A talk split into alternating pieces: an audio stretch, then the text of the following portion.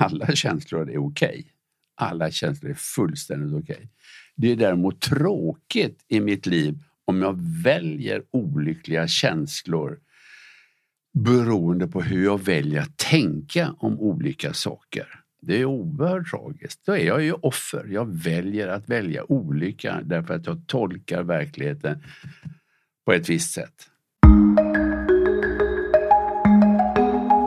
Lyssnar på podcasten Perspektiv.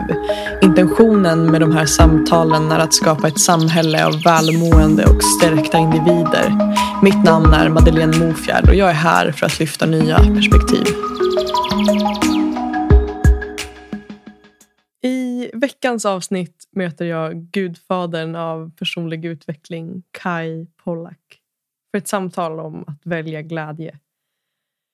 Kai är en man som de allra flesta känner till som filmregissör, föreläsare och författare. Han är en man som genom sina böcker och föreläsningar har förändrat många människors förhållningssätt till livet och inte minst mitt eget. Kais bok Att välja glädje var min första kontakt med personlig utveckling och just insikten om att jag själv är skaparen över mitt eget liv och de känslomässiga tillstånden som jag faktiskt väljer att, att vara i den dagen då jag förstod det som Kai skriver om att jag ensam ansvarar över min lycka så förändrades hela mitt liv. Boken gav mig verkligen ett helt nytt förhållningssätt till livet där jag insåg att jag inte längre behövde vara offer för mina tillstånd och yttre omständigheter. Saker som tidigare brukade trigga mig i vardagen förvandlades till möjligheter att komma närmare mig själv och insikten om att jag inte kan förändra en annan människa utan att lösningen alltid finns inom mig själv gjorde också att mina relationer förändrades och att fokus riktades från att projicera och lägga skulden på andra till att jag själv kunde ta ansvar över mina reaktioner. Så i det här avsnittet så vill jag såklart tacka Kai för den inverkan som han faktiskt har haft på mitt liv att välja glädje var ett skifte i mitt liv som har lett mig till det arbete som jag gör idag med, med viljan att förmedla budskapet om att varje människa faktiskt själv bär ansvaret för sin egen lycka vidare. Kai är en man som lyser av äkthet och värme och jag hade kunnat ägna flera minuter åt att beskriva allt det som Kaj har åstadkommit och skapat här i världen men idag vill jag välja att rikta fokus på det som han faktiskt är och det är just äkthet och värme. Och Det är också en energi som jag önskar och hoppas att ni bär med er in i det här samtalet som nu väntar er. Idag möts jag och Kai för ett samtal med intentionen om att öka förståelsen för att vi själva bär ansvaret för vår egen verklighet. Och vi pratar bland annat om hur våra tankar om oss själva påverkar hur vi upplever livet valet mellan att vara ett offer eller skapare av vår egen framtid. Vi pratar också om att ingen annan människa kan göra mig irriterad om inte jag ger dem faktiskt tillåtelse att göra mig irriterad och hur varje människa är utsänd för mig att träna på. Vi pratar också om hur projiceringar skapar känslor av skuld och faktiskt hindrar oss från att känna glädje i våra liv. Vi kommer också in på vikten av att titta närmre på de trosatser som styr våra livsval och reaktioner. Min förhoppning är att det här avsnittet ska ge dig mod och styrka att leva den mest sanna versionen av ditt liv. Och återigen så vill jag också tacka Living Room där vi spelar in idag för att ni har skapat Stockholms bästa oas för kreativitet och skapande att flöda. Tack Living Room. Och om du som lyssnar på det här samtalet uppskattar eh, den här eh, timmen vi har framför oss så skulle det betyda allt för mig om du ville höra av dig efteråt och berätta om dina insikter och hur det här samtalet resonerar med dig och vad du tar med dig helt enkelt. Jag ser verkligen fram emot att höra från varenda en utav er och kom ihåg också att dela på din story eller på dina sociala medier eller skicka avsnittet till en kompis som du tror skulle må bra av att höra det här. Och för dig som vill ta del av Kais föreläsningar och workshops i höst och gå djupare i hans arbete och lära dig ännu mer så hittar du alla länkar du behöver i beskrivningen till det här avsnittet. Så Jag ser det som ett givet nästa steg för dig som vill dyka djupare. Nu mina vänner har det blivit dags att välkomna Kai till samtalet. Hej och välkommen Kai Pollak till podcasten Perspektiv. Tack ska du ha. Tack ska du ha. Det är en ära att få sitta här med dig idag. Jag är verkligen jag är så enormt fascinerad och tacksam för det arbete du gör. Och inte bara det arbete du gör men också den personen som du är. För för mig är du en person som så här, det arbete du gör är en del av den du också är. Eh, vilket för mig är äkthet. Eh, så jag vill tacka dig för den, den äkthet som du är och står för för mig, för den inspirerar mig väldigt mycket. Jag eh, sträcker på mig. kan man få höra detta varje morgon? Absolut, men vi kan spela in det här som ett, ett ljudmeddelande så kan du ja, höra det. Det är nej, roligt. Det, nej, men det känns viktigt för mig att dela det innan vi kör igång för att liksom lägga, lägga grunden för det här samtalet. För jag tänker också att det är en intention som vi också pratat om innan vi spelade, började spela in att vi vill bevara den här äktheten oss emellan i samtalet. Eh, så tusen tack verkligen till dig för det. Det är roligt att säga. Tack ska du ha. Mm. Och innan vi kör igång skulle jag vilja höra också hur du, hur du mår. Hur mår ditt hjärta idag och din, hur mår du? Ja, jag mår jättebra. Ja. Jag sitter här i den här stolen och eh, dagen idag är den första dagen på början av det liv jag har kvar. Mm. Och dagen idag är den bästa dagen i mitt liv. Det är den enda dagen jag har. De som har varit finns inte och imorgon vet jag inget. Alltså det är helt underbart. Och du sitter där och ler så det finns ingenting att klaga på. Mm, så fint. Är det, ja, där det... En, är det där en sanning som du påminner dig själv om varje morgon när du vaknar? Ja det gör jag. Varje morgon. Dagen idag är den bästa dagen i ditt liv. Och det är en av de bästa affirmationer jag någonsin har provat. Och jag har haft den nu ett par år och det är helt otroligt. Varje gång under dagen när det kan bli någonting som man känner att nu börjar det skaka eller man är färdig att köra i diket och blir olycklig eller irriterad. Min fru har inte betalt räkningen som hon lovade att hon skulle betala och så kommer det eh, papper om påminnelseavgifter och allt möjligt. Dagen i raka är den bästa dagen i ditt liv. Och plötsligt så står jag kvar i en god energi. Den, den hjälper hela tiden. Mm. Och jag tänker att det är, det är, precis det här vi ska prata om idag under de här timmarna som ja, vi har för oss. Så jag ser fram emot att djupdyka i det och också höra liksom hur du ja, men hur det här ter sig i ditt liv och hur det tar form. Eh, och jag är också väldigt nyfiken innan vi gör det på att höra vart du har ditt fokus just nu i livet. Jag vet att du håller på att skriva en bok så jag gissar att mycket fokus går dit. Men ja, alltså, när, har... När pandemin kom, då för över ett år sedan, då, ja, alla föreläsningar, allting blev, in, allting blev nedstängt. Då bestämde jag mig, nu gör jag den där boken, tredje boken som jag har samlat, hade samlat material på länge. Och faktum är idag på morgonen, den består av fem delar. Då läste jag den sista delen eh, igen. Och så kände jag, herregud, det här är jättebra. Så jag känner mig så glad. Nu är boken färdig. Och den kommer, kommer väl ut då efter sommaren. Den kommer att heta Ett bättre liv, en tanke i taget. Så enkelt är det. En tanke i taget kan hjälpa en få ett bättre liv. Enkelt. Enkelt. Ja, och ingen annan kan fixa det Nej. än jag själv. Precis. Så är det. Skulle du säga att det är enkelt? Nu säger jag det och så skrattar jag lite, men skulle du säga att det är enkelt? Ja, det är en väldigt bra fråga, för man har ju funn, bef, själv befunnit sig i olycka och helsike. Och man skulle, jag skulle då inte kunna tro, ja men det är enkelt Kaj, börja och ändra dina tankar. Men eh, de där kriserna jag var i då för 40 år sedan och så vidare, de hjälpte mig ju att börja. Det finns ett annat sätt, du kan börja arbeta med dina tankar. Att börja förstå.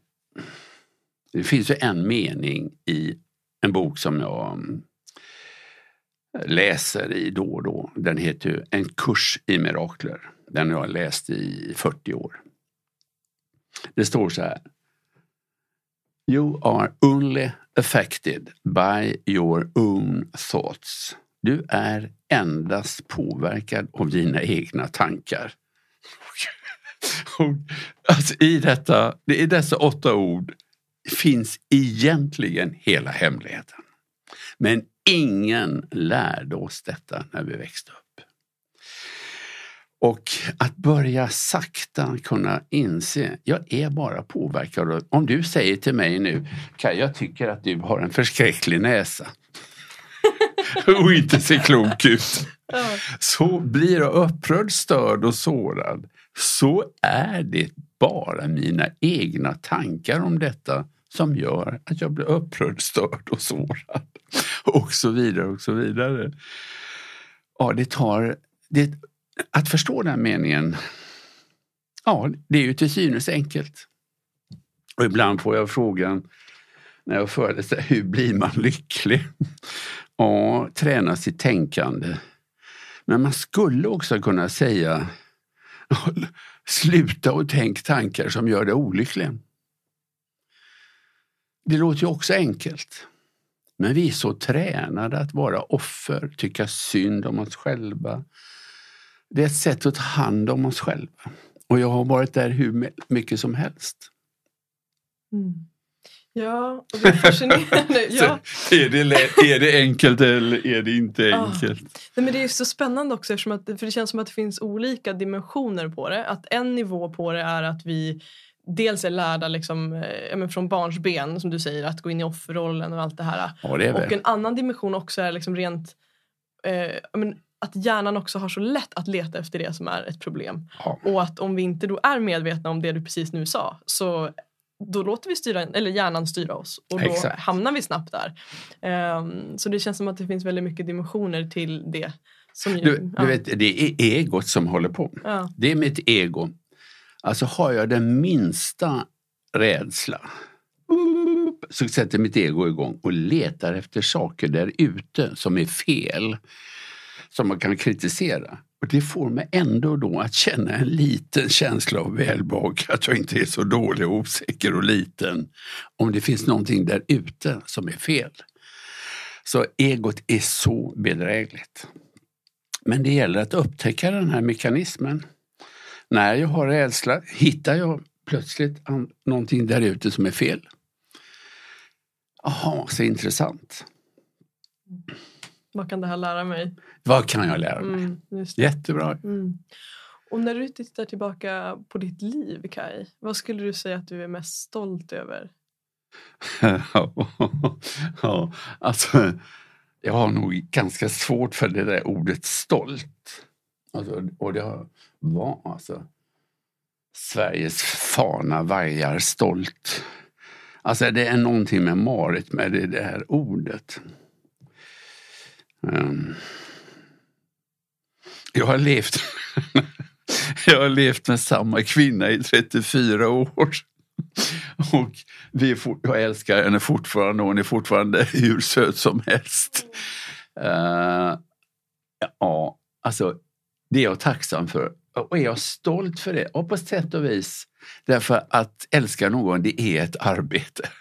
Det är inte för så självklart. Det är hela tiden ett arbete. Man ska inte tro att liksom kärlek det är liksom en gratis och sen är det där.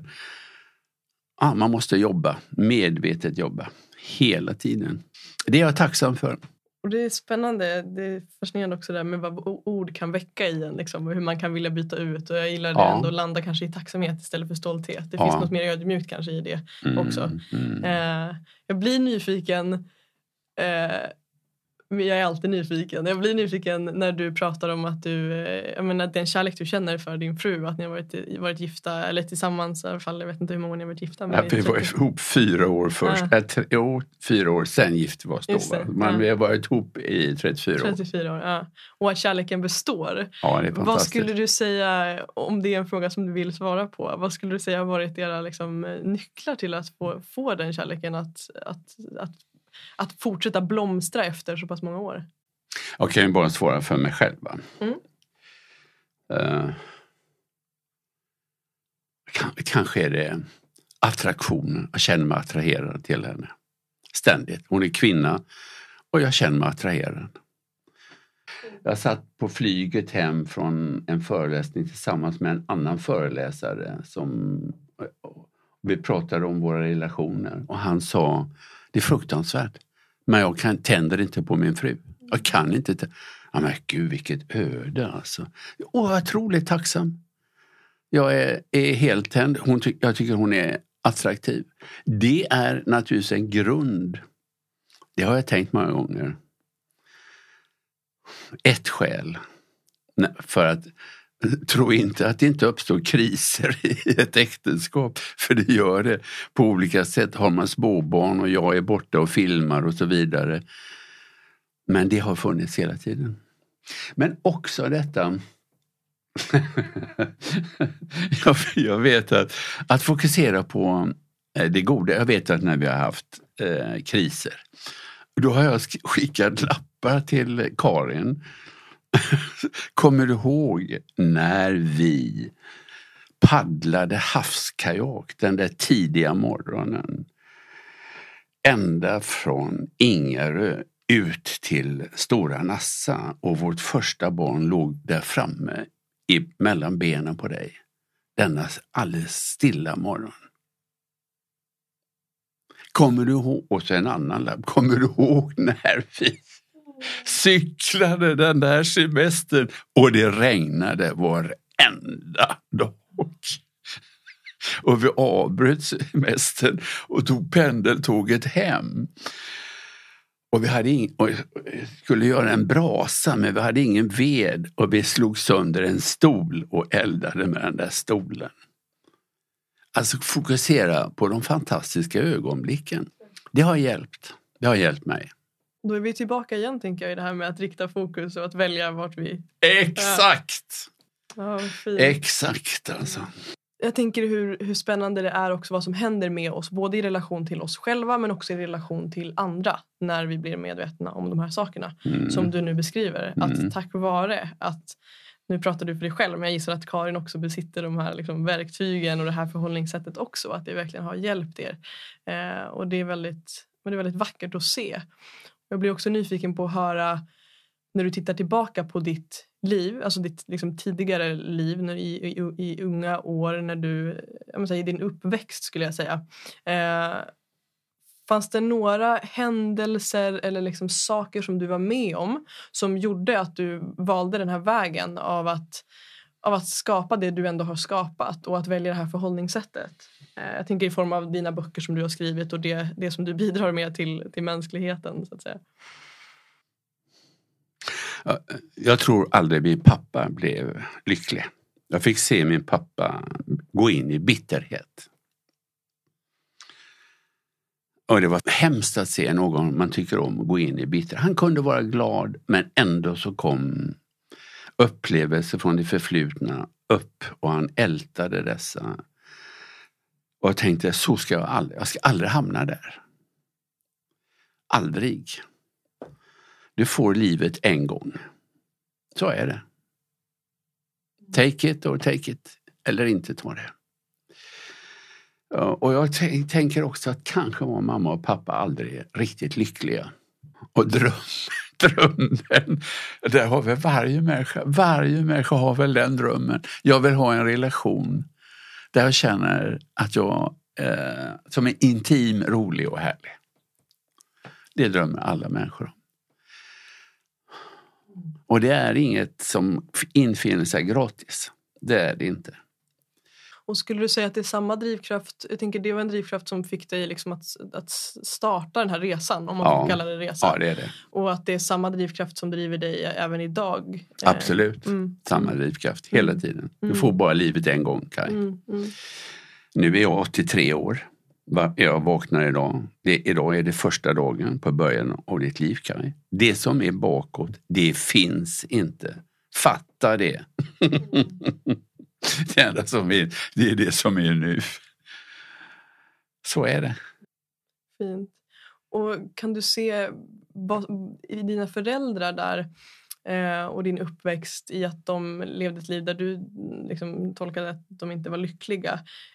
skulle du säga att du fick med dig vissa liksom, kallar det valda sanningar eller trosatser om, om verkligheten och om livet Ja. som på något sätt har påverkat Det dig fick också? Mm. Det fick jag. Alltså min pappa kom till Sverige, han heter ju Leopold Pollack, han kom till Sverige som krigsbarn. Han är ju född och uppvuxen i Wien i Österrike. Under första världskriget kom han till Trelleborg med en lapp om halsen där det stod Leopold Pollack och han, han var 11 år. Och så har han hamnat som fosterbarn. Men han var otroligt begåvad, konstnärlig, men han fick aldrig stöd att utveckla detta. Utan han arbetade hela sitt liv på SKF, Svenska kullagerfabriken, på kontoret där. Eh, och eh, blev aldrig, som jag ser det, det han skulle kunna bli. Men en sak vad han, sa han ju till mig. Han sa till mig, det enda som räknas är att du blir lycklig. Det enda som räknas är att du blir lycklig. Han var jättenoga med det. Även om han själv inte kunde leva upp till det.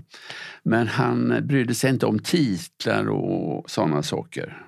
Så det var fantastiskt som förebild på så vis. Just det, men det, det är spännande. Det låter ändå då som att du fick med dig den, den, den positiva sanningen därifrån. Jättebra, alldeles Mm. fantastiskt fick jag med mig. Ah, Mm. Um, framförallt fick jag också med mig, han var ju en person som jag aldrig såg förställa sig. Han var totalt äkta, totalt autentisk. Uh, och det var inte min mamma. Och, och jag vet precis varje gång jag möter personer som inte är autentiska hur, hur jag har svårt att klara av det. Ehm, nu har jag lärt mig att hantera det för att varje uttryck när någon inte är autentisk är ju ett uttryck för rädsla. Jag ser då är en person som har rädsla. Vad kan jag göra?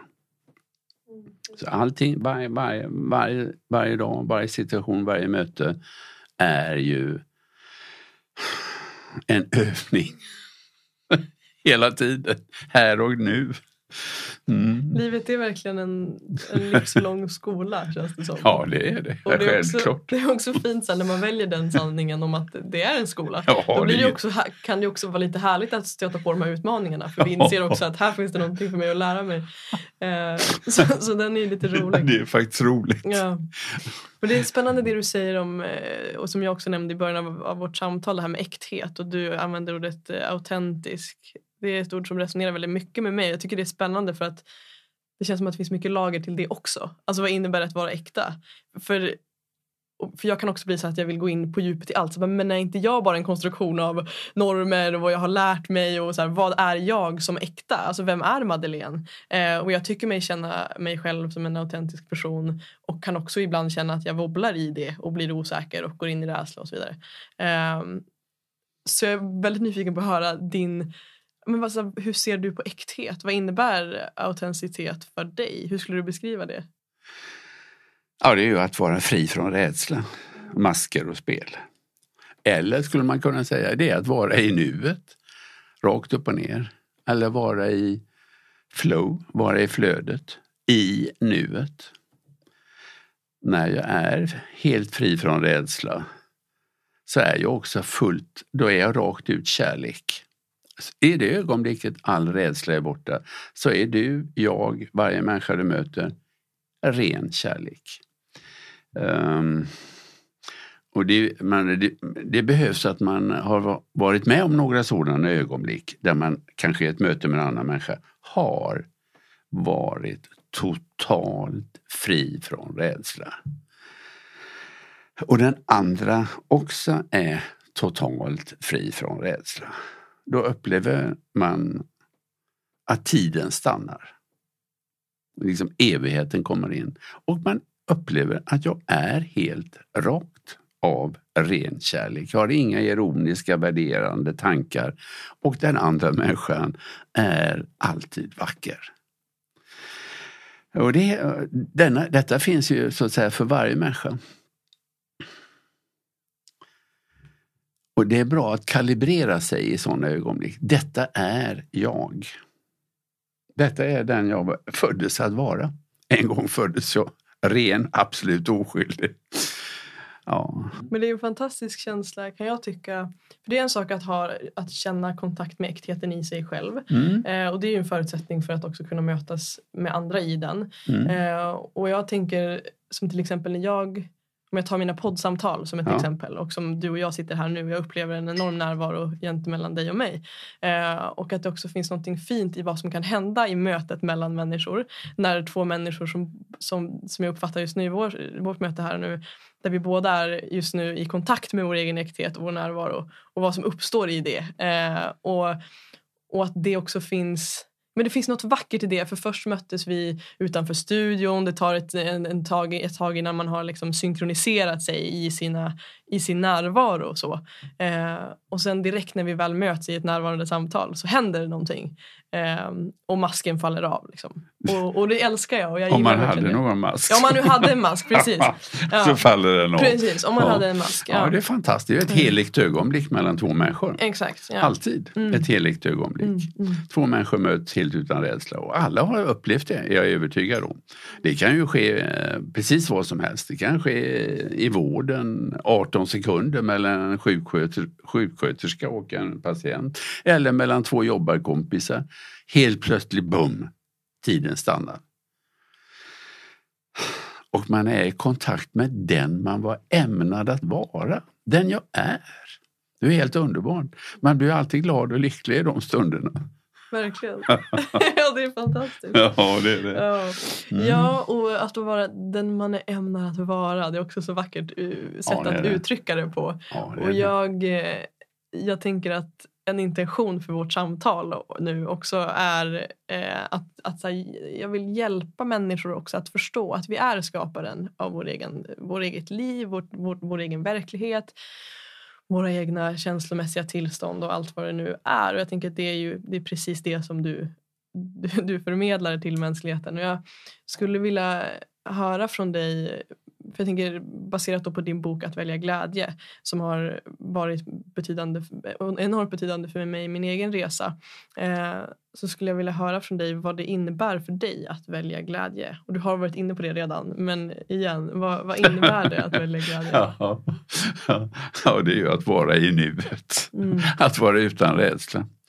Det är ju, då är varje människa, i det ögonblick jag är fri från rädsla, då är varje människa glad, lycklig och i eh, en god känsla, man mår bra, man tycker om sig själv. Det är att välja glädje. Eh, och Okej, hur blir jag utan rädsla? Hur kan jag komma dit? Ja, det är ju ett arbete då, eh, ett mentalt arbete som jag kan träna mig och lära mig att göra. Och det är ju eh, det är ingenting som man kan säga genom tre meningar, gör så här, utan det är ju insikt efter insikt. Att förstå om, alltså många, jag hade ju trosatsen, alltså en trosats, vad är det? Det är någonting, det är en tankes djup liggande tanke i mitt undermedvetna som jag fick när jag var liten pojke. Jag växte upp i Göteborg.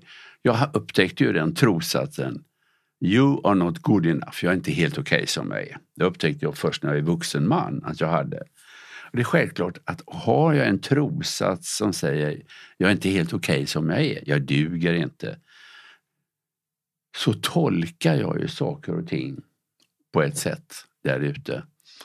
Utifrån den rädslan. Är det någon som inte tittar på mig nej, nej, utan tittar på en annan person istället? Och är det någon som gäspar när jag pratar? Så, så tolkar jag hela tiden det som nej, de tycker jag är tråkig och så vidare. Va?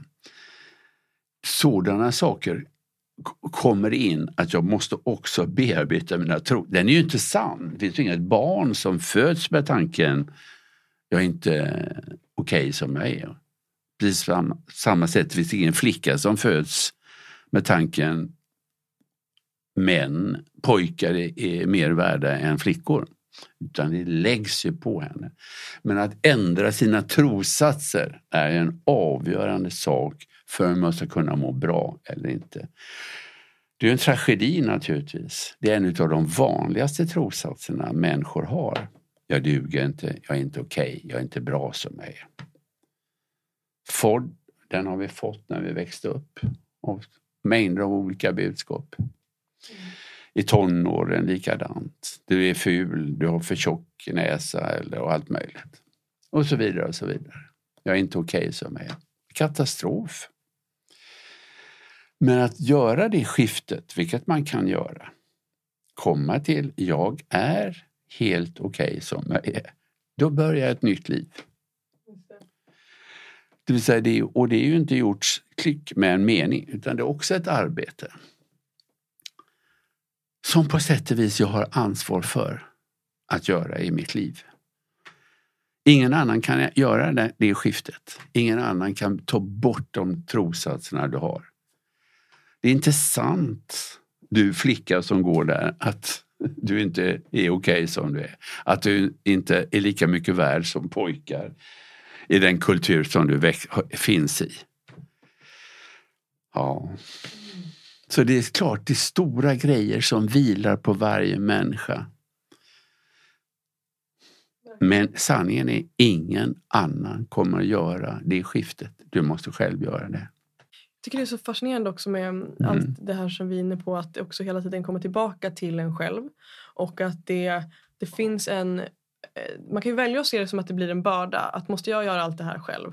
Och så kan man också välja att se det som att det finns en enorm frihet i det och potential i att så här, Och en möjlighet. En ja. möjlighet ja. Mm. Och att friheten ligger då i att wow, jag har i och med den här sanningen så har jag möjlighet att skapa precis de reaktionerna och de tankar jag vill.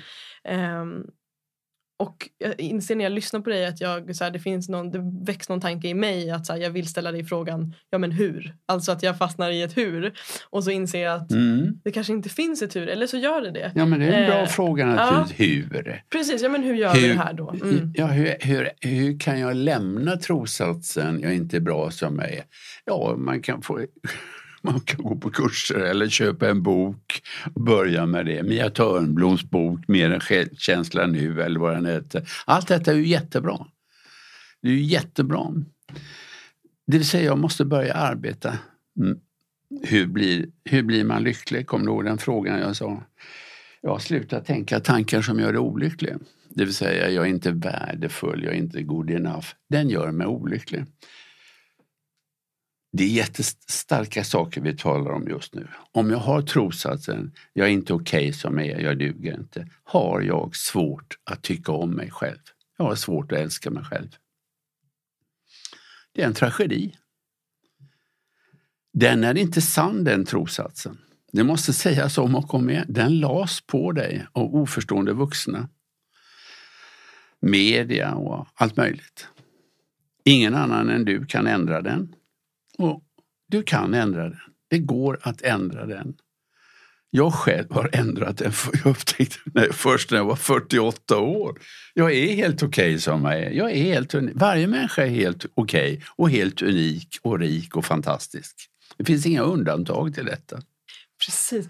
Det är spännande. Du sa att du upptäckte den trossatsen i dig när du var 48 och ja. ändå då hade levt liksom ett Ja, Exakt, det är inte klokt. Eh, ja, det är inte klokt. Precis. Men jag hade inte varit medveten om det. Men det var först, jag åkte ju på en workshop i USA. Och den workshopen handlade just om trossatser, beliefs, som vi har. Och där, i en process upptäckte jag det. Och lärde mig också att ändra den trossatsen. Livsom, livsom, eh, absolut livsomvälvande upplevelse. Det är så fascinerande också när man blir medveten om hur våra trossatser också styr oss. Ja, i, för ja. det är en, ett, en sak är ju hur ja. det styr oss rent känslomässigt. Att vi, vi, vi tror den här sanningen om att vi inte är tillräckliga eller vad det nu än kan vara visst, för trossats. Hela tiden. Eh, så det är en sak rent känslomässigt men det, nästa steg blir också våra resultat. Alltså jag tänker att har vi en ja. trossats om att jag är värdig eh, så kan vi också skapa magiska saker i Absolut. världen i form av helt, helt, inte klokt. vad vi nu kan mm. skapa med vår kreativitet frihet och vår, vår vilja. Liksom. Och, och den är, mm. alltså den är, den är djup den frågan helt mm. enkelt. Och ja, det är det. Alltså, våra beliefs, det jag tänker om mig själv styr så oerhört mycket i mitt liv. Vad jag vågar göra. Om jag håller mig tillbaka eller inte. Man talar om någonting som heter Obama-effekten. När Obama blev vald till president, då kunde man mäta bland svart befolk- unga människor bland svart befolkning hur de i olika, alltså, gjorde, gjorde, de fick göra olika test. Och det, de hade testats innan han blev president. Men hur de totalt ändrade sitt självförtroende och möjligheter.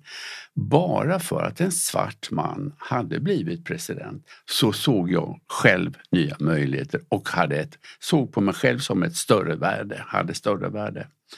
Och så är det ju. Ja, det blir en sån kraft. ja.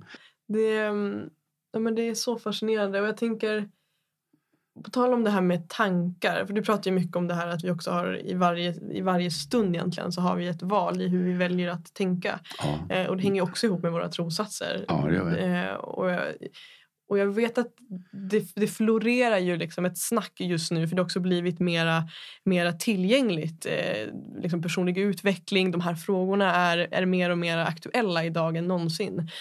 Um, så det pratas ju ganska mycket om våra, att här, vi kan styra våra tankar. Och samtidigt så har jag också människor och lyssnare och så där, som upplever att det är svårt. Alltså, ja, men hur styr vi våra tankar? Att det, att det är svårt att faktiskt eh, lägga märke till de här negativa tankarna vi har om oss själva. Jag tänker att de dyker upp i varje liten stund. Det hade ju kunnat vara så att jag mm. i mötet med dig hade fått en rädsla att så här, nej, men jag kanske inte är tillräcklig för den här intervjun. Eller, eh. Så jag vet inte, har du några tankar kring det? Ja, liksom hur det vi kan, jag. Ja. Alltså, jag gjorde, jag var med i en annan podd. Och den, efter det så fick jag massa mejl och många människor som var dels tackade och så vidare men, men som var djupt olyckliga. Och jag hade kontakt med flera av dem. Mailkontakt. Och jag ringde, hade telefonsamtal med flera av dem. Och det var människor som så att säga, levde konstant olycka när jag vaknar så är jag olycklig. Ska jag behöva ha en dag till, ska jag behöva ta mig upp och gå till jobbet och ha en dag till. Och så ska jag klara av det här och så ska jag göra det och så sen ska jag komma hem och vad ska jag göra då? Det vill säga man somnar på kvällen i ständig olycka. Och enda sättet att komma ur det, det var att, trodde jag, tänkte jag, var att börja fokusera på det du kan vara tacksam för. Det är nämligen oslagbart. Men alltså vad, vadå, jag har inget, och du har ju hur mycket så, var tacksam. Du har ju två barn hemma. Som är helt friska. och så vidare. Och faktum är, jag ser just nu framför mig några av dem som jag haft telefonsamtal med. Jag kan ju inte fungera som någon terapeut för då får jag inget annat gjort. Men Faktum var att de där mejlen började ändra sig. Sakta, sakta började det ändra sig. Jag mår nu bättre och jag är glad att jag har ett jobb och så vidare. Det vill säga fokusera på tacksamhet. Det är det mest kraftfulla verktyg som överhuvudtaget finns. Det låter kanske lite konstigt men det intressanta är om du fokuserar på tacksamhet. Alltså, jag åkte hit i taxi idag och han, var, han körde så lugnt och stilla. Och jag säger direkt till honom, du jag är så otroligt tacksam att du kör så lugnt och stilla. Han blev jätteglad. Och, säger du det? Och så där, ja, jag känner mig trygg här bak nu. Men när jag fokuserar på tacksamhet så kan jag inte känna olyckliga känslor. Det kan man skriva upp på ett papper så här eller läsa i en bok. När du fokuserar på tacksamhet kan du inte känna olyckliga känslor. Och det är möjligt att ingenting sker, men jag måste uppleva det rent konkret själv. Välj att fokusera på tacksamhet och du kommer att in på skinnet uppleva faktum att du, kan, att du inte upplever olycka. Och någon som eh, hade 27 år på sig att eh, träna detta. Det var Nelson Mandela på den där ön Robben Island i ett stenbrott. Han säger ju det att de där åren var vårt universitet. Han kommer ut utan bitterhet. Hur femton klarar man det? Men han eh, använder kont hela tiden kontinuerligt mental träning. Han skriver bland annat eh, det här i sin självbiografi. Jag prövar nu att tänka en tanke om detta som gör att det känns bättre. Inte klokt. Mm. Och han skriver också det finns ingen situation som är så hemsk att du inte kan välja att tänka en tanke som gör att du mår något lite bättre. Vilket är också helt sant. Man kan inte flytta sig från yttersta förtvivlan till lycksaligt på en sekund. Va? Men du kan faktiskt fokusera på en sak jag är tacksam för, det är Alltså faktum är att min fru och jag, det kanske är en av anledningarna, varje kväll gör den här övningen. Och om du inte har en partner att göra den, du som lyssnar, så kan man göra den själv. Men faktum är, så frågar en av oss, vad är du mest glad och tacksam för idag? Ja, alltså, så säger hon, jag är himla glad och tacksam för att Alltså det här datorstoppet, jag hade, fick hjälp med en, han det här supportkillen, han var så otroligt hjälpsam och trevlig. Det är jag faktiskt mest glad och tacksam för. Och vad är du mest glad och tacksam för? Ja, så säger jag några gånger fram och tillbaka. Det vill säga att istället fokusera på tacksamhet istället för allting som har varit helsike, helvete och fel. Mm. Uh, det är det absolut bästa. Det kan nästan bli som en, har jag upptäckt, betingad reflex. Alltså jag kan sitta på tunnelbanan och plötsligt må hur bra som helst för att jag är tacksam för att titta mig runt. Och de, det här är välstädat. Gud vad välstädat. Det är folk som på natten här har jobbat och städat tunnelbanevagnen. Och så plötsligt jag är jag glad. Det är ett, ett en exempel på vad man kan faktiskt göra. Ja, men det är så vackert också för jag tror att när människor upplever att det är svårt, eh, som du beskrev där i början, att ah, men vad ska jag vara tacksam över, vad har jag? och så här, Att det också är att vi tenderar liksom att fokusera på att det måste vara så stora saker. Men att precis som du säger, det kan vara liksom att ja, att det stannar på tunnelbanan eller det kan vara att solen skiner eller det kan vara att som du säger taxichauffören kör tryggt. Liksom, att det, det finns så olika nivåer på det där som är, som är fina. Ja. Hela tiden, vadå? Herregud. Tänk dig, vi kan sitta här Madeleine ja. i det här landet och prata fritt om vad vi vill mm. utan att känna rädsla. Exakt. Har du tänkt på hur många kan det? Precis. finns ja. mycket att vara tacksam för. Oh ja. ja, det är enormt. Ja. Verkligen. Jag kanske ska byta samtalsämne helt och välja att prata om något helt annat med tanke på att vi är fria. Nej, ja, vi håller roligt. oss till det här. Jag tycker det här är bra. Men och, på tal om, jag tänker motsatsen till tacksamhet, eh, ja, kalla det rädsla eller irritation, frustration, vad det nu än kan vara. Eh, och man kopplar det till, till relationer och till, ja, men i relation till andra människor så vet jag också att du brukar eh, säga det att, eh, att varje människa är, är utsänd för att vi ska, vi ska få träna. Varje människa är utsänd, det är jag helt övertygad ja, om. Och just det här att jag, att jag själv väljer att bli irriterad när, när någon säger eller gör någonting ja, som, som triggar mig. Det, alltså, jag har ett så himla roligt exempel. När, när jag började föreläsa du vet, så sitter liksom 300 människor där i en aula någonstans och så står man och pratar. Så ringer det plötsligt i en telefon där ute. Då kunde jag bli irriterad och störd på den där personen där ute. Och när jag blev irriterad och störd förlorade jag omedelbart min närvaro, spontanitet. Jag kunde liksom inte ens le äkta i rummet. Va? Och så, så tänkte jag, det här är ju inte klokt. Hur kan man bli irriterad och störd på en person för att det ringer i en telefon? Och så tog jag den här tanken det ringer en telefon för ditt eget bästa, Kaj. Och det är helt sant. Det ringer i en telefon där ute för ditt eget... Och jag började se fram emot nästa gång jag skulle föreläsa. Det ringde ju alltid någon gång i någon telefon. Då blev jag jättetacksam. Det ringer i en telefon för ditt eget bästa. För att du ska träna dig i att vara närvarande, tolerant och kärleksfull. Och det som stör, det är så in, bra exempel. Det som störde mig var inte att det ringde i en telefon, mobiltelefon. Det som störde mig var den tanken jag hade inlärd. Att det är störande när det ringer i en mobiltelefon.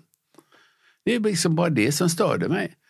Vem har sagt att det är störande? Det var inga problem alls. Nu menar jag inte att, att måste, alla telefoner måste ringa hela tiden. Det är klart att det finns tillfällen när man inte ska ringa. Det är inte bra att det ringer en telefon och en hjärtoperation här på Karolinska intill oss. Då är det inte bra att det ringer i telefoner just på hjärtoperationen. Men det var ett bra exempel. Det är bara dina egna tankar du är bara påverkad av dina egna tankar. Du kommer tillbaka till den där meningen igen. You are only affected by your own thoughts. Du är bara påverkad av dina egna tankar. Du kan lika gärna tänka en annan tanke. Det sker för mitt eget bästa. Det är jättebra. Det är också härligt att tänka, och jag vet att du var inne på det innan också, det här att varje tanke skapar antingen en härlig känsla i oss eller en negativ känsla. Absolut. Och vad, vad har jag för val själv i det? Liksom? Att det finns ju någonting, finns en kraft i det också. Ja. Och det som slår mig också på det här temat som jag tycker är spännande är, ja. och du var inne lite på det, men det här, jag tänker så här att om hur vårt liksom förflutna egentligen påverkar våra reaktioner inför saker. Och det jag menar med det är om vi utgår från att alla människor blev irriterade på exakt samma sak. Mm. Eh, så här, du och jag och alla andra som går runt på den här jorden. Vi blev irriterade på exakt samma sak. Då skulle man kunna utgå från att det inte har att göra med vårt förflutna. Liksom. Ja. Um, men i och med att det faktiskt är så pass olika. Alltså det finns ju personer som inte hade blivit irriterade på att det ringde. Till exempel. Ex inte ens hört det kanske. Exakt, uh, de hade bara så uh, intressant. Det är någon yeah. som ringer. De tänker helt andra tankar Precis, om, yeah. det, om att det ringer i en telefon. Mm. Eh, jag har själv glömt eh, att stänga av min mobiltelefon och så vidare. Och, så vidare. och det är mänskligt. Och få medkänsla med den personen istället. Eller tänker jag det, det är någon som vars fru är på förlossning eller inte och allt sådär. Va? Man, man har ju själv varit i situationer där man faktiskt har varit tvungen att ha telefonen på. Exakt, ja. Men jag okay. tänker det också liksom i till exempel i relationer, alltså i, i liksom kärleksrelationer där vissa beteenden också är inlärda rent liksom samhällsmässigt. Alltså våra normer säger till oss att om din partner gör så här då är det rätt att du ska lämna. Eller om han gör så här, då är det, lätt att du, eller då är det rätt att du ska reagera så här. Eller ja. att det finns så mycket också invanda saker som är är också spännande att vi blir styrda av saker som inte ens är vår egen sanning Absolut. eller kompass. Liksom. Absolut, mm. det är alldeles riktigt. Mm. De är inlärda. Det här var ju ett inlärd, ja, det var ju rent inlärd. Man, man, har rätt att bli irriterad på folk som inte stänger av sina mobiltelefoner. Det är inlärt. En spännande tanke. Det är en jättespännande tanke.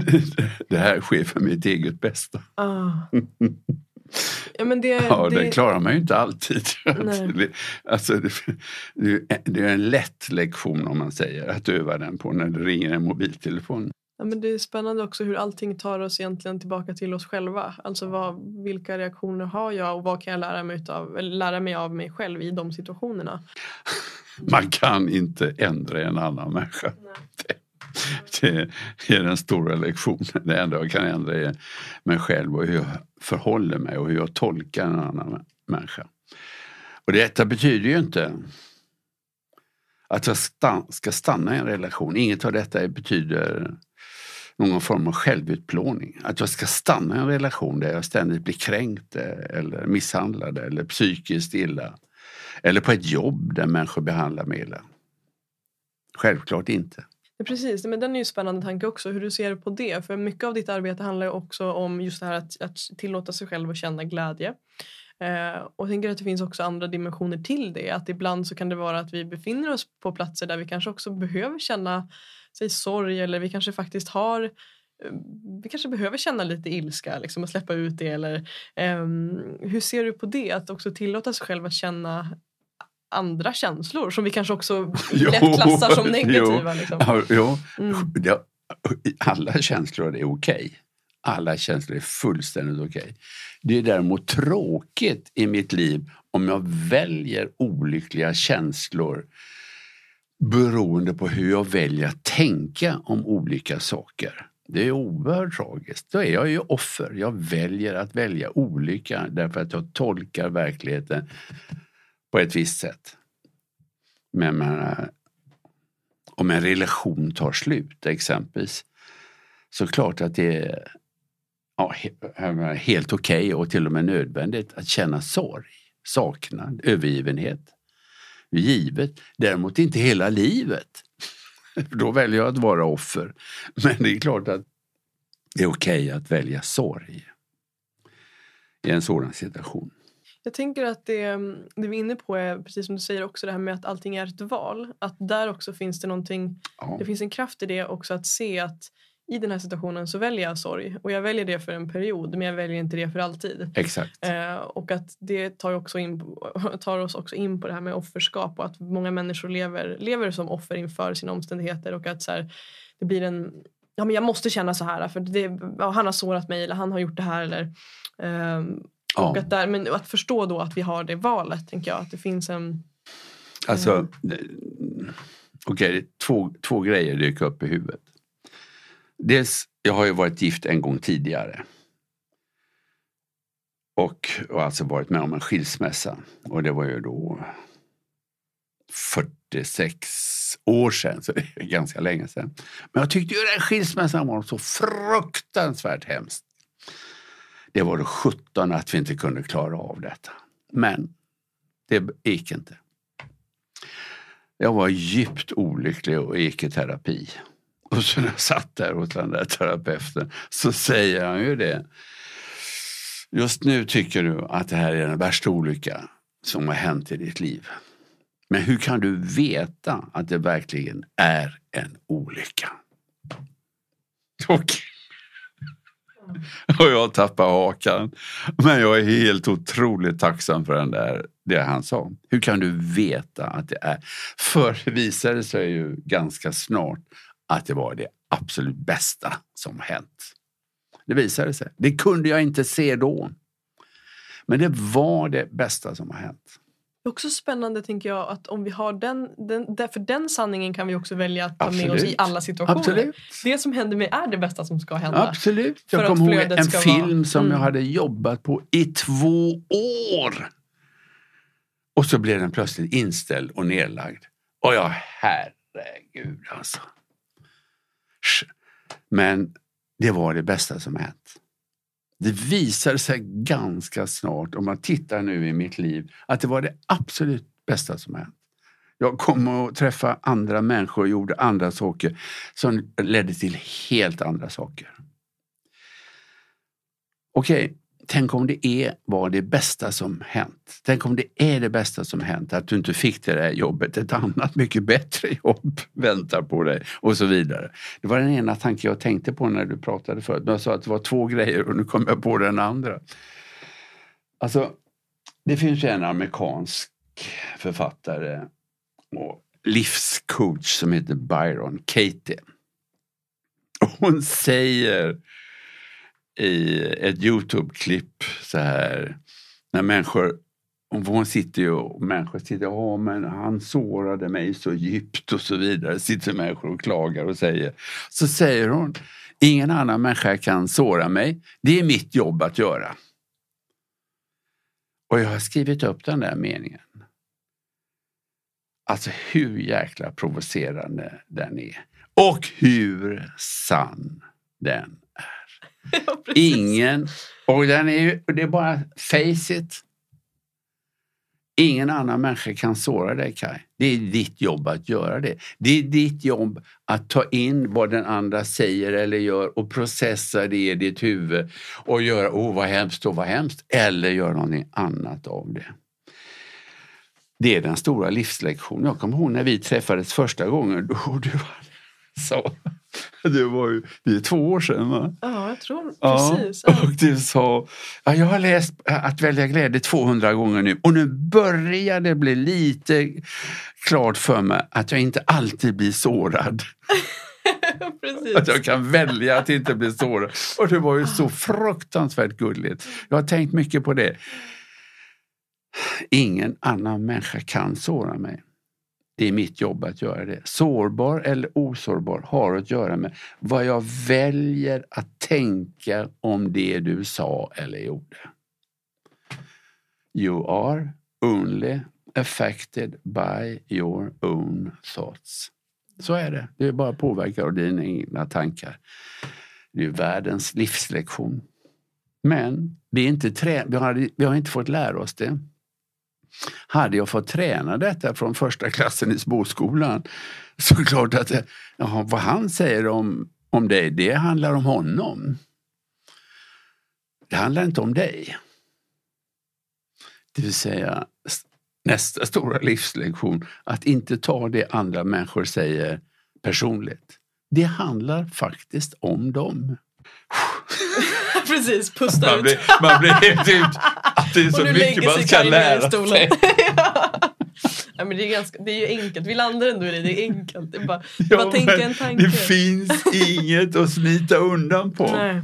Men det är fascinerande för att jag tycker mig möta och höra människor som eh, eller jag ser ett mönster i att många människor fastnar i den här tron om att människor gör saker emot mig. Alltså nästan som att människor går runt med någon slags inre liksom, ondska i sig och gör aktivt saker för att såra mig. Jag tänker det är också för mig definitionen av att vara ett offer. Att tro att människor gör saker mot mig. Och jag märker också ett mönster i de människorna som jag möter som har det mönstret. Eh, så tycker jag mig också se då ett mönster i hur deras liv också tar form. Att ju mera de tänker den tanken desto mer blir de också utsatta för människor som agerar på ett sätt som kanske inte är det mest härliga. Så, ehm, så den är också spännande vad man faktiskt eh, attraherar till sitt liv genom de tankarna och trosatserna som man har. Och den, den tanken tycker jag är spännande också när vi pratar om att vara offer eller att vara skaparen av vår verklighet. Att jag tolkar också att många människor går runt och inte är medvetna om att de är offer. Absolut, Eh, hela tiden. precis. Offer, att vara offer är ju en arketypisk identitet. Det är det. Man väljer att vara, det finns människor som väljer att vara offer hela sina liv. Hela tiden. Alltid har någonting att gnälla på och klaga på. I var, och det märker man ju i varje... Jag har en relation med en person som jag vet, jag vet, det är ju nästan bara i telefon, men i varje telefonsamtal med denna person så kommer det någonting. Alltid. Och så är det så hemskt för nu har de, de och de gjort det och det och det och det och det. Och, det, alltså, och de förstår inte detta och det. Och, och så, ja, ja. Och jag hörde direkt. Man väljer att vara offer. Det är ytterst att inte vara ansvarstagande för sitt liv. I mitt arbetsrum där vi gjorde förra inslaget där, där står det två grejer på väggen ovanför dörren. Det står, du får bara livet en gång, det står där. Men lite till vänster står det, börja leva eller börja dö. Börja leva eller börja dö. I varje ögonblick har du ett val. Det är inte klokt alltså. Man kan välja, varje gång jag väljer att vara offer så sänker jag mig själv. Ett sätt att börja dö, så att ett sätt att vara icke-levande. Att, ett sätt att icke vara i kontakt med den jag faktiskt är ämnad att vara. Och det är jättetragiskt. ja, alltså, precis. Man det är kan, tyst här i rummet för det, alltså man kommer in på så stora frågor. Och det är den frågan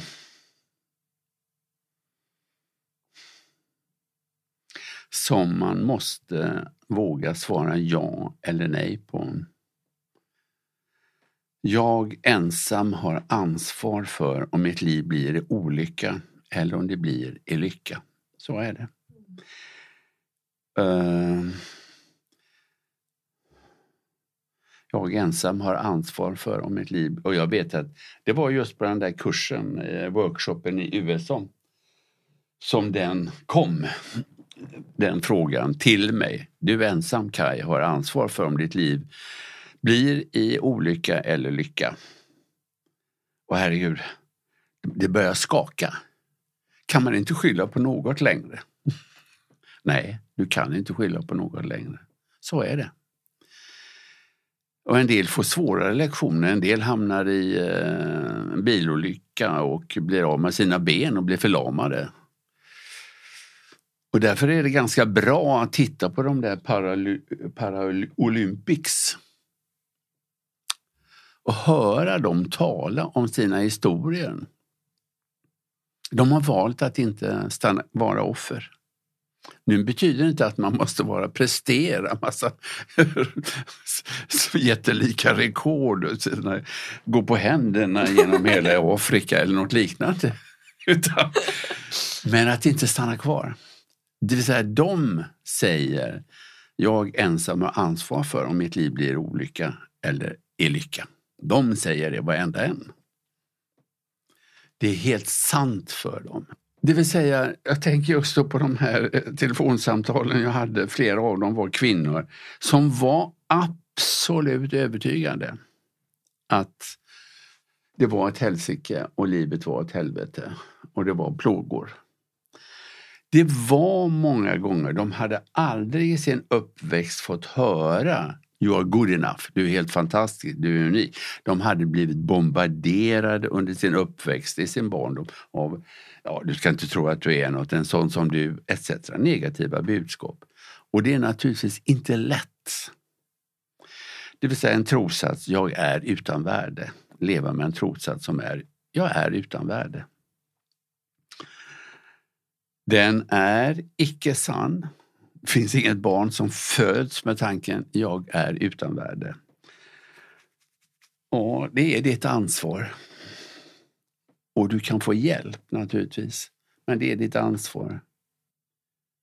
Det jag tolkar är också att det finns en, en tendens liksom att fastna i när vi är offer. Ja. Och vi, vi tycker synd om oss själva och jag, liksom att vi, ja, men vi går in i offerskap helt enkelt.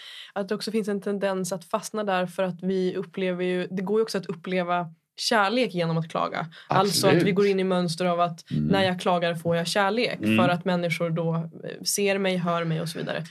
Eh, Absolut. Hur ser du på det och också att bryta det och snarare kliva mm. in i mm. rollen av att säga wow jag kan få kärlek av allt det här ljuset som jag sprider och allt det här positiva och vackra som jag också besitter. Ja, men jag känner igen det själv. Mm. Vi är tränade att, att ett sätt att välja olycka och vara offer är ett sätt att ta hand om sig själv. Uh, och det har vi liksom fått lära oss. Man liksom, det är ett sätt man tycker synd om sig själv och man hoppas att någon annan, man ska få lite hjälp och allt möjligt. Och, man kanske någon annan kommer och tycker synd om mig också och så vidare. Va? Så att, det är ett sätt att faktiskt ta hand om sig själv. Jag kan inte bättre just då. Men om man stannar kvar där så mm, väljer jag att icke bli levande i mitt liv. Så är det. Det är alltså, jag säger just plötsligt saker här nu som jag inte är säker på att jag själv hade orkat höra för 40 år sedan eller 50 år sedan.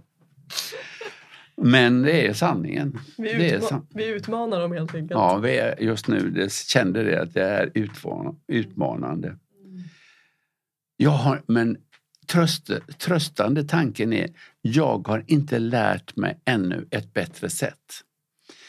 Det är en jättebra tröst. Den har jag faktiskt i den här boken, den nya boken. Det är en tröstande tanke. Jag har ännu inte lärt mig ett bättre sätt. Jag har sett andra människor som jag vuxit upp med som har gjort så och så. Jag har lärt mig det sättet. Min mamma och pappa och så vidare. Generation för generation har ju lärt, lärt oss att vara offer. Detta gäller inte alla. En del hade tur och, och eh, han föddes i familj där de lärde ut något annat. Men de, de är ganska få tyvärr. Precis, en del hade tur ja. Ja, det är ju alldeles givet. En del hade tur och han hamnade i en varm och kärleksfull familj och en del hade otur och hamnade i en kylig och jobbig familj. Mm.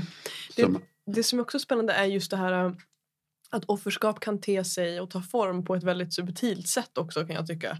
Att det inte alltid är liksom att att det syns så tydligt utåt. Och där kan det också bli att man kanske inte heller ser i sina egna familjemönster att det finns de här tendenserna. Men att det faktiskt gör det. Ja, hur, vad, hur, eh, hur, vad tänker du? Kan du jag, ha något exempel? Jag tänker som till exempel när du beskriver det här om att vissa människor har fötts i en familj där man har liksom fått äh, men, kärlek och vi har fått en positiv livssyn och så vidare. Eh, och att Vissa har haft mer otur och fött sin familj där det har varit mera liksom, ja, men kanske trauman eller saker som har hänt som har varit påfrestande och, och traumatiska på ett sätt. Men att det också finns något slags mellanläge som kanske är mer vanligt i eh, det här, Svensson Svensson samhället som vi lever i, du och jag. Eh, där där, där vi lever i någon slags bild av att vi har det liksom lagom bra men vi går också runt och klagar på väldigt mycket saker. Ja, det är och bra att det, det. Och att det liksom blir, att det, det är det jag menar då med att det blir någonting subtilt som gör att vi inte blir helt levande men vi mår inte heller fullt dåligt. Alltså att vi, vi, vi är på något mittenspektra istället för att fullt njuta av livet. Så det låter, vi oss, inte, det låter inte särskilt roligt. Nej, precis. Nej.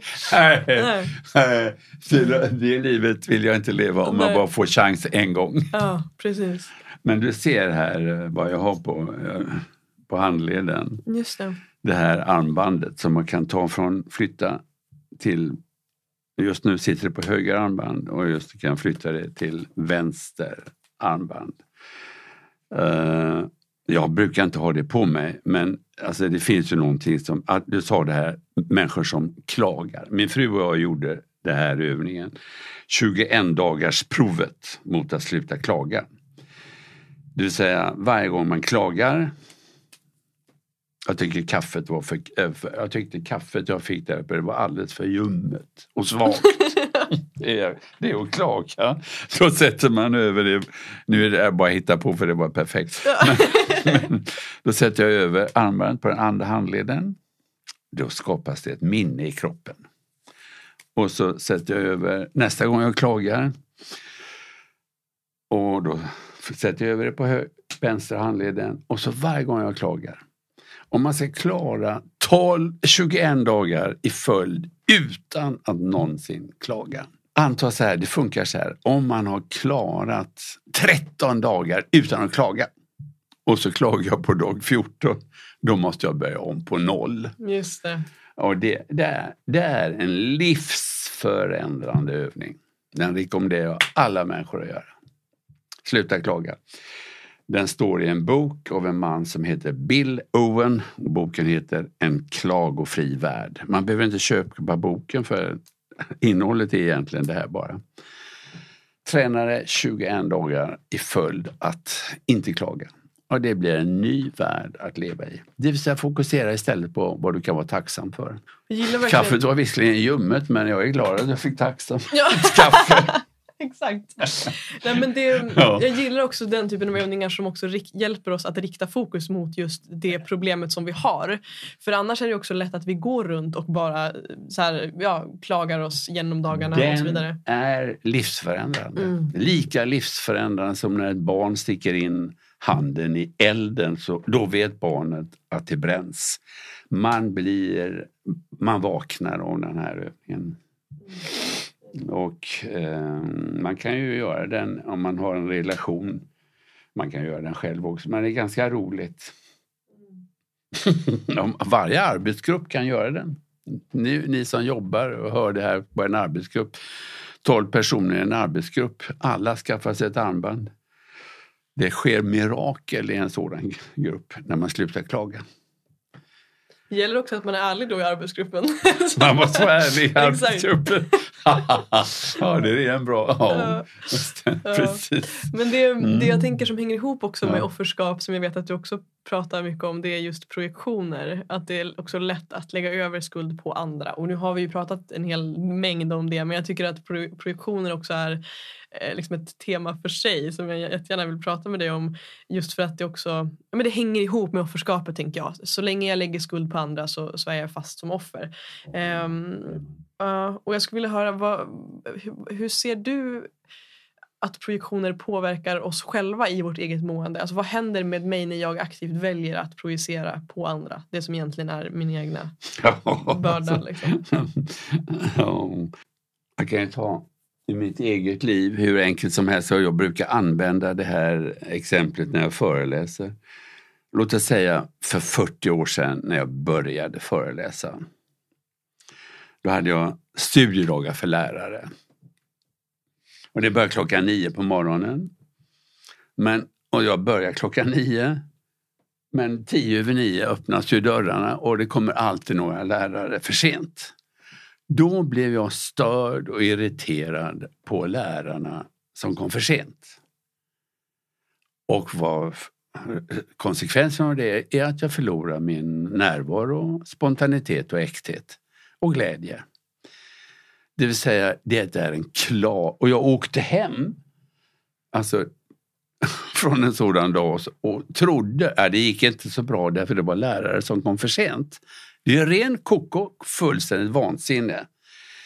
Eh, det är en klar projektion. Jag löste ett eget inre problem genom att skylla på dem. Till dess jag mötte Byron Katie's böcker. Alltså, är det sant att det är ett problem att de kommer för sent? Kan du vara absolut säker på att det är ett problem att de kommer? Nej, det är klart helt säkert kan vi inte vara. För jag vet inte vad de har gjort dessförinnan. Hur kan du veta vad som är bäst för dem? De, de kanske har kört något barn till akuten eller vad som... Det vill säga, när jag projicerar ett problem på någon annan så är det en attack. Och det är igen ett resultat av A Course in Miracle. Det står, när du attackerar en annan människa attackerar du samtidigt dig själv. Och det är helt sant. Jag förlorar allt. Eh, det vill säga, jag attackerade dem i huvudet.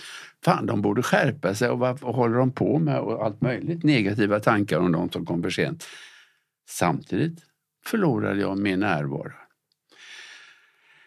En projektion är en attack. En attack mot en annan människa. Alltså, även om det bara är en tanke gör att jag förlorar min egen närvaro.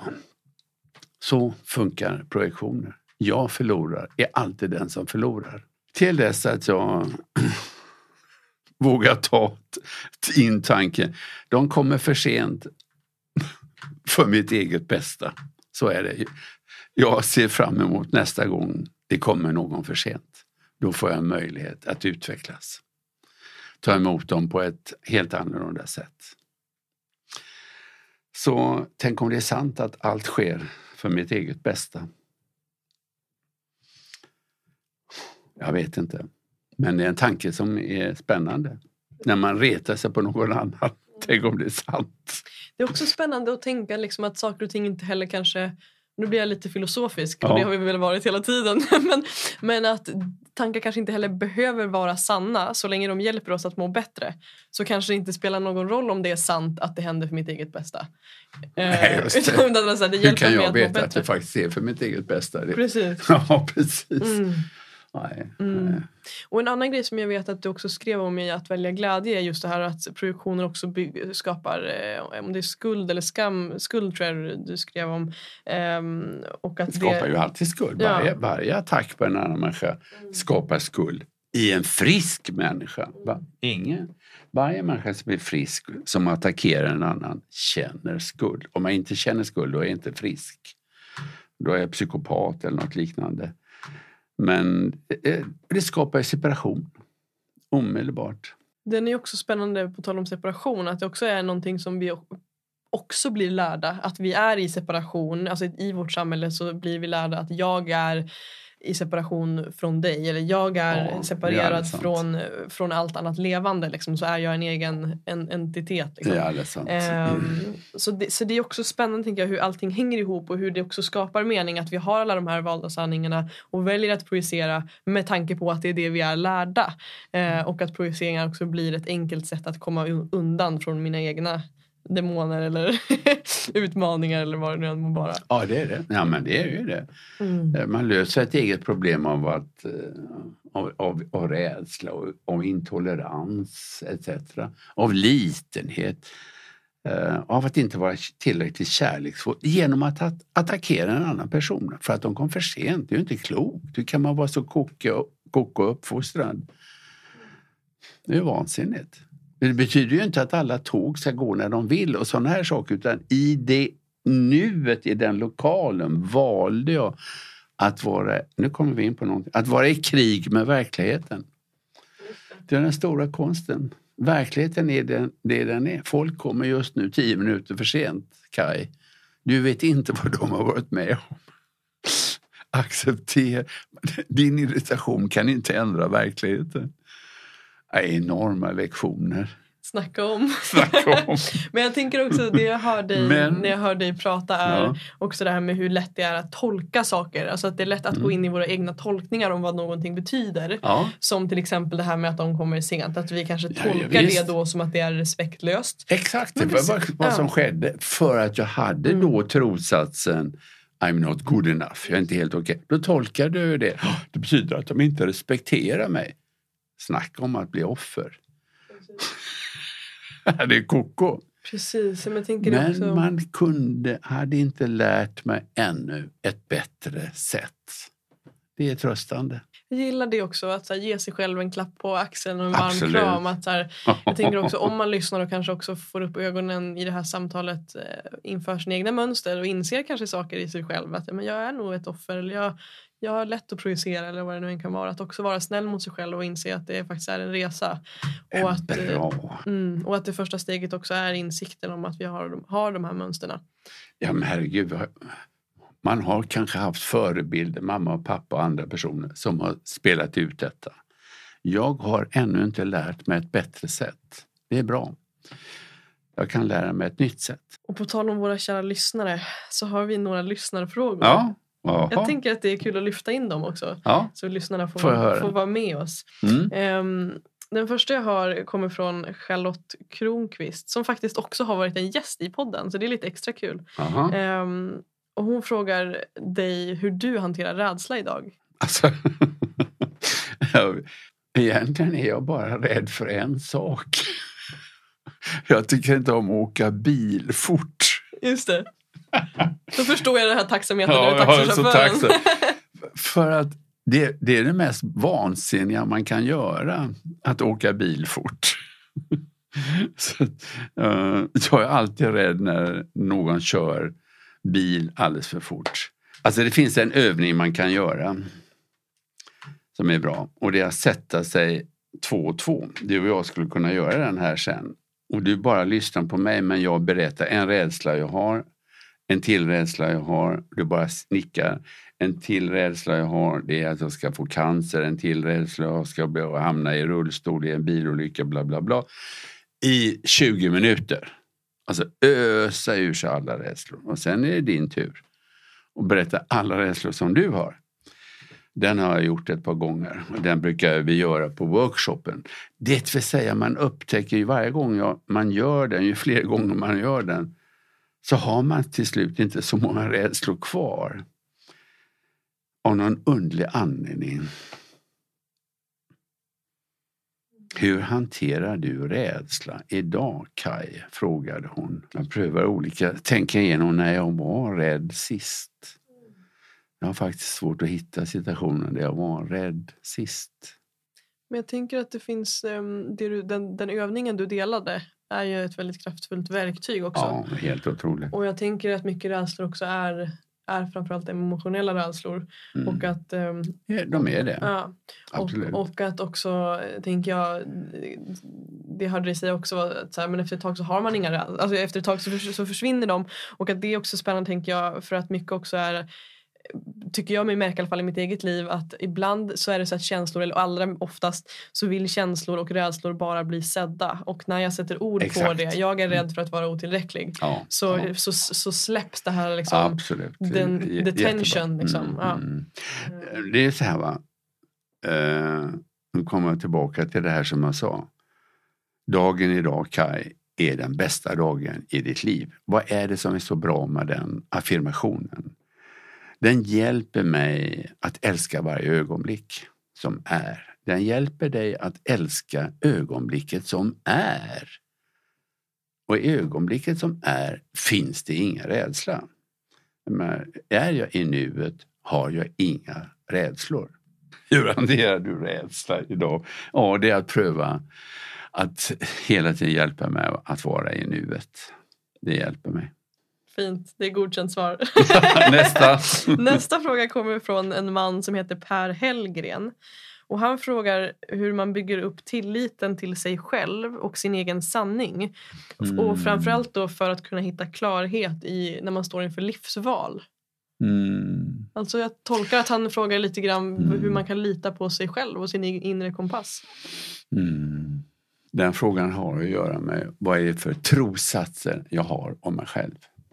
Har jag trossatsen I'm not good enough, jag är inte helt okej som jag är, så är det svårt att lita på sig själv. Jag tenderar att värdera mig lågt, göra val i livet där jag väljer någonting alltså, av mindre värde. Allting går tillbaka till den, de tankar jag har om mig själv. Har jag tankar som alltså inte är sanna, jag är inte värdefull eller som kvinna är jag mindre värde. Så kommer jag att göra val i livet i samklang med de nedvärderade, hämmande trossatserna som jag har.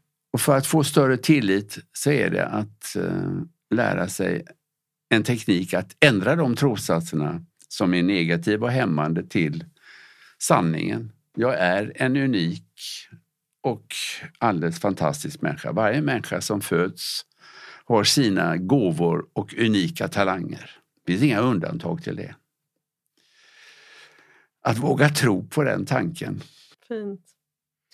Och sen så kommer nästa fråga från en kvinna som heter Malin Idevång. Mm. Som eh, för övrigt, jag känner att jag vill nämna det nu när jag läser hennes namn här. Hon är faktiskt en kvinna, hon är en nära vän till mig. Mm. Och hon var den som rekommenderade mig att läsa Att vilja glädje från första början. Ja, Eh, ja, så vi roligt. pratar ofta om det, liksom, hur mycket det jag Ja. menar, den tacksamheten inför hur mycket ett sånt... För jag brukar också säga det att, här, att välja glädje var ju för mig ett vägskäl i min resa. Där jag själv förstod att okej, jag är skaparen av min egen framtid. Eh, precis. Eh, så den var verkligen ett vägskäl och jag ser den som... Den, när jag läste den, det var då allt förändrades. Eh, och jag ser också det som att det är det som jag... Att tack vare att jag läste Att välja glädje så sitter jag här idag och gör den här podden och gör det arbete jag gör för att förmedla den kunskapen vidare fast i min egen liksom, form och i min egen tappning. Så, Ehm, så ja, men det känns fint också att då ha en fråga från henne och att lyfta att hon, och tacka henne också för att hon rekommenderade mig att läsa boken. Ja, det bra det. Ehm, så hennes fråga är då om du någonsin har haft en längre period när ingenting hände, stämde eller ville falla på plats och det kändes hopplöst. Vad som hände i dig då och hur du gjorde för att hantera det och ta dig framåt. Jag tycker att jag har haft två, om man säger kris, svarta perioder i mitt liv. Dels var det mitt första skilsmässa. Alltså jag, jag trodde aldrig att jag skulle kunna bli glad och lycklig igen. Faktiskt, faktiskt trodde jag. Som vuxen man kunde jag stå och titta på om ingen kommer någonsin att älska dig mer, Kaj. Men eh, kan du vara säker på att det är en olycka? Kan du vara absolut säker på att det är en olycka? Nej, det är klart, helt säker kan jag faktiskt inte vara. Tänk om det är det bästa som har hänt. Det hjälpte mig en sådan tanke den gången. Nästa svarta hål som jag minns, det var ju Det är när jag var 40, alltså vuxen man, 48 år. Jag har jobbat med en film, den heter Älska mig, handlar om en 14-årig flicka. Och jag har jobbat så fruktansvärt länge med den där filmen och var helt utbränd. Och så hade den premiär samma natt som de sköt Palme. Oj. Och det var liksom ingen som gick och såg den där filmen. och jag tyckte hela världen var så dum. det var så synd om mig. Mm. Då åkte jag till det där stället i Amerika, The Option Institute, på den där workshopen. Det vill säga, och det förändrade ju eh, mitt liv så att säga. Det var, så här, det var mitt, eh, mitt att välja glädjen. Uh, och sen så, det ledde ju till att jag skrev boken Att välja glädje. Men det är så här, det, uh, det har varit hur jag har hanterat det. Jag har gjort någonting helt enkelt. Jag gick i terapi och hade tur och han sa, hur kan du veta att det är en olycka? Jag åkte på den där kursen och de fick mig att vakna. Sluta tycka synd om mig själv. Det hjälper inte. Om, man, om du sitter som fånge i 27 år, som Nelson Mandela gjorde, så är det, hjälper det dig inte att sitta där och tycka synd om dig själv. Då kommer du att gå under. Så är det. Det vill säga, sluta, sluta sitta där och vara offer. Du har ditt liv, du får ditt liv en gång. Har du även dagar då du vaknar och känner att så här, men idag, alltså att det känns tyngre? Liksom? Ja. Och vad, Ja, ja. vad gör du då? Vilka tankar väljer du då som gör att det Ja, känns lättare? ja, då, då, dagen idag är den bästa dagen i ditt liv. Jag bara säga den så åker som mungiporna ändå lite uppåt mot, mot öronen till. Alltså. Men det, självklart har jag dagar som är tyngre. Ja, ja. Alltså rent fysiskt, jag är 83 år. Rent fysiskt är jag inte 28 år längre. Så att säga. Det, det ska man veta. Mm. Fint. Ja, men det kommer hela tiden tillbaka till det här med tankarna. Det är, Ja, liksom, Exakt. det är den röda tråden. Ja, det är det. Mm. Sen har vi Jack Edsholm som frågar eh, på temat då att många unga lever idag med en hopplöshet och utan någon framtidstro. Han frågar då hur gör man för att vända den spiralen och verkligen kunna ta del av livets ljuva frukter och vad det innebär. Alltså, hur vänder man ett liv utan hopp, glädje och framtidsvisioner till ett liv med just detta? Ja. Jag tänker att vi har varit inne på det mycket men det är Världens, spännande. och mm. världens viktigaste fråga.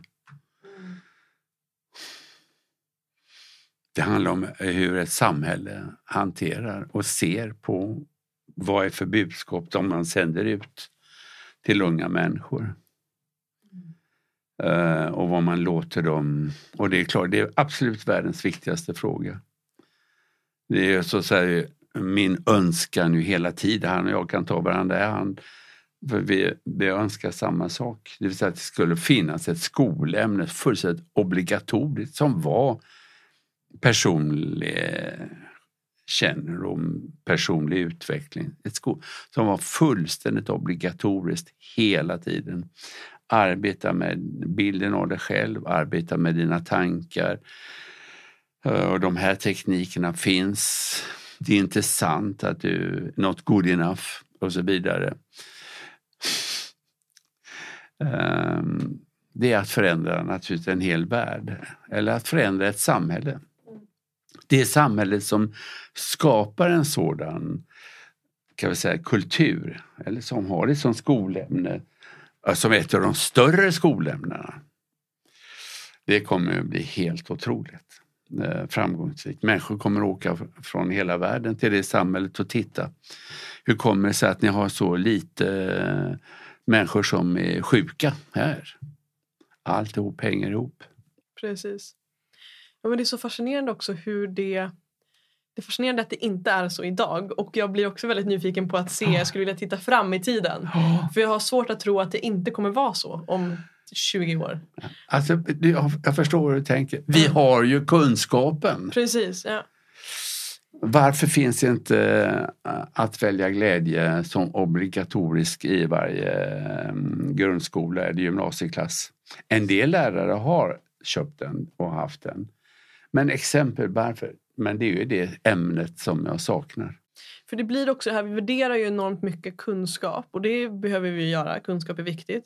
Och samtidigt så tror jag på att väva in exakt det du säger, väva in olika typer av kunskap och där tänker jag till exempel matte, eh, engelska, svenska, alla de här ämnena som vi lär oss är ju viktiga. Men igen, jag tänker vad, vad ska vi med den kunskapen till om vi inte också är välfungerande och välmående individer? Eh, så den, ja. Vi får slå ett slag för det helt enkelt. ja. ja. nej, men det är ju en del på, ja, på ja, vårt... men Det är en stor fråga han ställer. Det är en jättefin mm. fråga. Ju. Mm, verkligen. Mm. Det var faktiskt de lyssnarfrågorna mm. som jag tänkte ställa dig.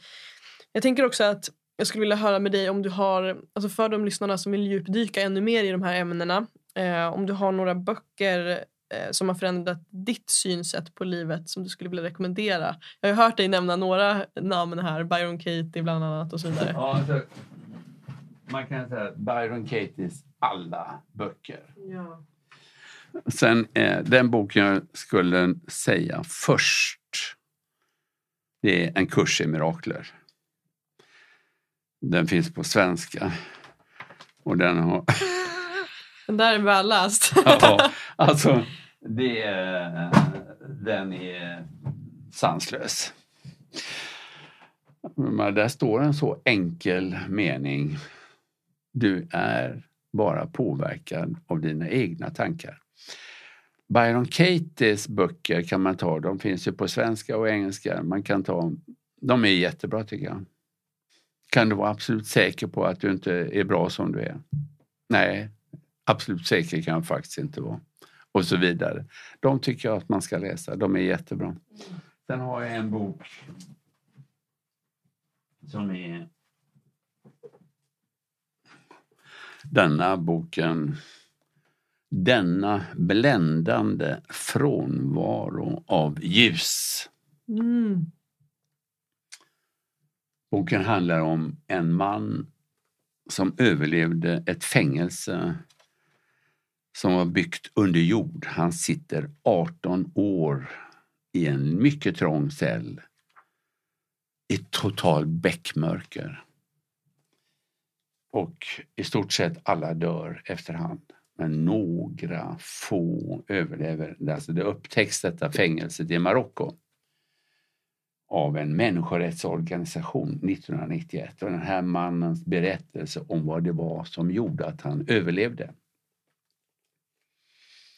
Och det är fantastiskt för det mest, eh, när jag hade läst den här boken så sa jag till min fru jag ska fan mig aldrig mer klaga på småsaker. Mm, precis. Den här mannen överlever för han bestämmer sig för två saker.